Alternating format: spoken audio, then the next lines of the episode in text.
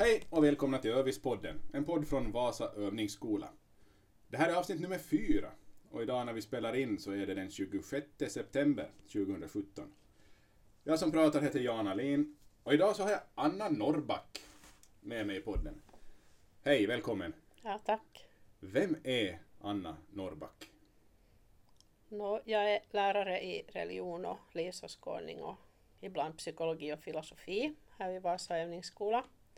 Jag har jobbat 13 år här, men ursprungligen är jag hemma från Åbo. Och där föddes jag och blev uppvuxen och gick i, i en stor byskola och en ännu större mellanskola. Och så blev jag så småningom student och så började jag studera vid Åbo Akademi. Hur hamnade du uppe i Vasa då, om jag får fråga? Och det var ju så att jag blev kär i en studiekamrat, Christian.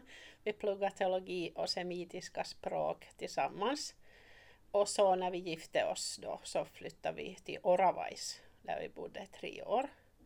Och sen flyttade vi till Östafrika och bodde där i fyra år.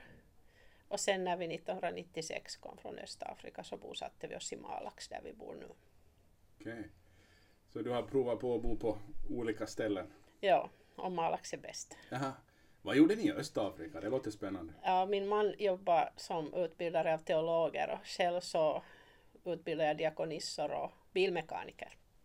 Bilmekaniker? Ja, fast inte i bilmekanik utan i kristendomskunskap för det var en kristen skola för bilmekaniker. Okej. Du träffade din man när ni studerade teologi, men jag vet ju att det är ju inte det enda ämne du har studerat.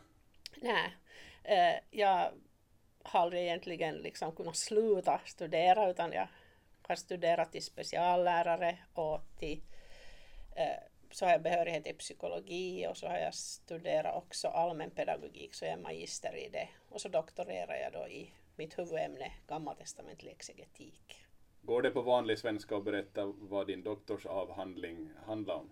Ja, eh, den är ju på engelska och hebreiska men så här på svenska sagt så handlar det om hur man ska ta hand om änkor och faderlösa i samhället om man är en sann religiös person.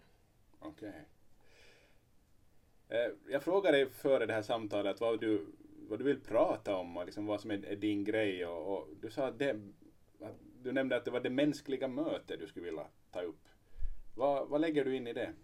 Uh, I det mänskliga mötet kan man ju lägga väldigt mycket, men jag avskyr det digitala. Det är ingen hemlighet för någon som har känt mig längre än fem minuter. Och jag tycker väldigt illa om lås och lösenord och allt sånt där som lägger folk bakom eller stänger ut dem någonstans. Så det mänskliga mötet är det att man får umgås med personer face to face och man lär sig alltid av varandra och med varandra. Så jag blev jätteförtjust när vi hade det handledningsprojektet i fjol där jag fick vara ordförande i en grupp som forskar i det mänskliga mötet för jag tycker också jättemycket om att forska. Hur, hur tycker du att du får in det mänskliga mötet i, i, i ditt jobb som lärare, i din undervisning? Det, det är underbart att möta så många människor varje dag. Både i klassrum och i korridorer och över matbord och ja, alla möjliga och omöjliga sammanhang. Vår värld blir ju mer och mer digitaliserad. Börjar du liksom, känner du dig inträngd i, i, i det här sista analoga hörnet eller går det ännu att, att leva ett, ett lyckligt analogt liv? No, jag är ju väldigt lycklig men eh, det finns ju många som anser att jag hör hemma i 1800-talet då jag vägrar att ha mobiltelefon och, och liksom använda fronter och andra ädla plattformar här i skolan. Bäst trivs jag med en grön tavla och en hög med kritor. Var, varifrån kommer den här din skepticism till det digitala, om man nu får, får uttrycka det så eller så? Att är det, kan du liksom kan du se varifrån det kommer? Hur har det blivit så? Är det... Nå, jag har funderat ganska mycket på det. Dels har jag en pappa som är väldigt negativ till alla förändringar, så det kan hända att det är rent genetiskt. Men så när vi bodde där i Östafrika så bodde vi utan elektricitet och telefon och utan kommunikationer. Så på fyra år blev man som van med att inte ha det. Så sen också när vi flyttade tillbaka till Finland så har det aldrig egentligen blivit av för min del. att lita på det digitala eller att luta mig mot det. Så jag skriver fortfarande helt fysiska brev till mina brevvänner och, och det är kul att få dem också. Men jag använder nog flitigt e-post. Och så använder jag också möjligheten att se på tyska deckare. Tyska deckare, berätta. Ja. Polisserier från tyska TVn, deras motsvarighet till Yle Arenan. Så där finns en massa serier. Jag är en stor konsument. Så du kan tyska också? Ja, det är ett av de 13 språk jag har studerat. Du har studerat 13 språk. Ja. Ska vi se, hur många språk skulle du kunna göra den här intervjun på? Fyra helt flytande. Sen om man tar swahili så då skulle, då skulle det bli lite mer knaggligt men jag skulle klara mig troligen. Vilket är senaste språket som du har gett dig i kast med? Mm, no, det är babylonska. Det är ett dött, dött språk som man slutade prata på 500-talet före Kristus. Men det är jätteintressant. Men finns det någon som vet hur det lät då? Om, om, om ingen har pratat det på 1500 år?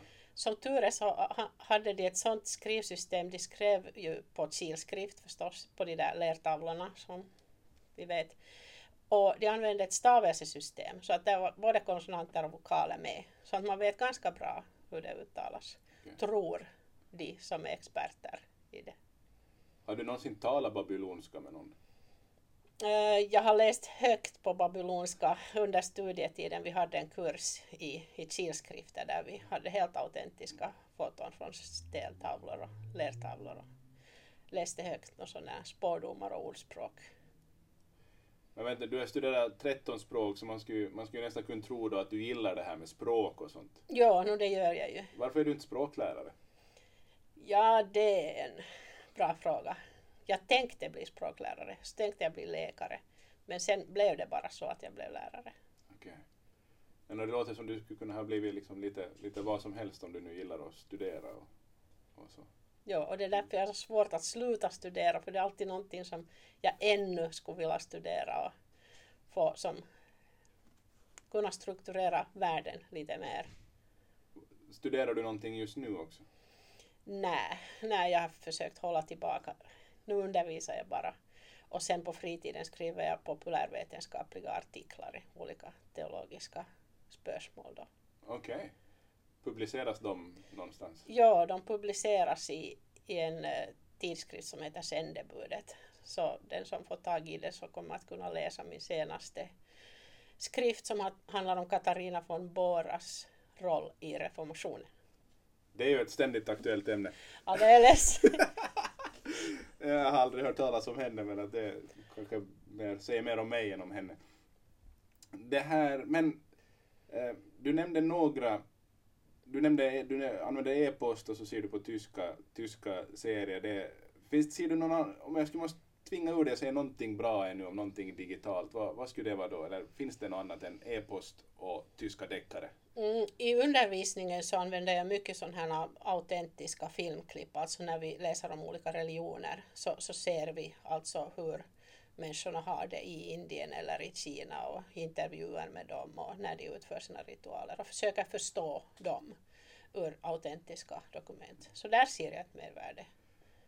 Så i din undervisning använder du i alla fall det digitala som, som ett verktyg på det sättet? Ja, sporadiskt. I gymnasiet mera än på grundstadiet.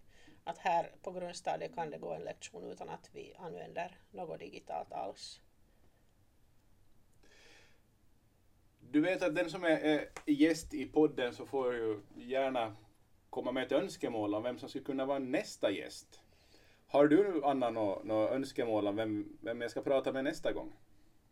Ja, det, ni kan ta Ulf, Tro, Ulf Thors, vår dataman. Han är ju min digitala motsats så då får du lite mer nyanserad bild av det här, vilka möjligheter det digitala har i skolor. Men det blir intressant för då får vi också en som, som är personal i skolan men inte direkt lärare. Ja, Ja. Tack Anna för att du var med, det var intressant.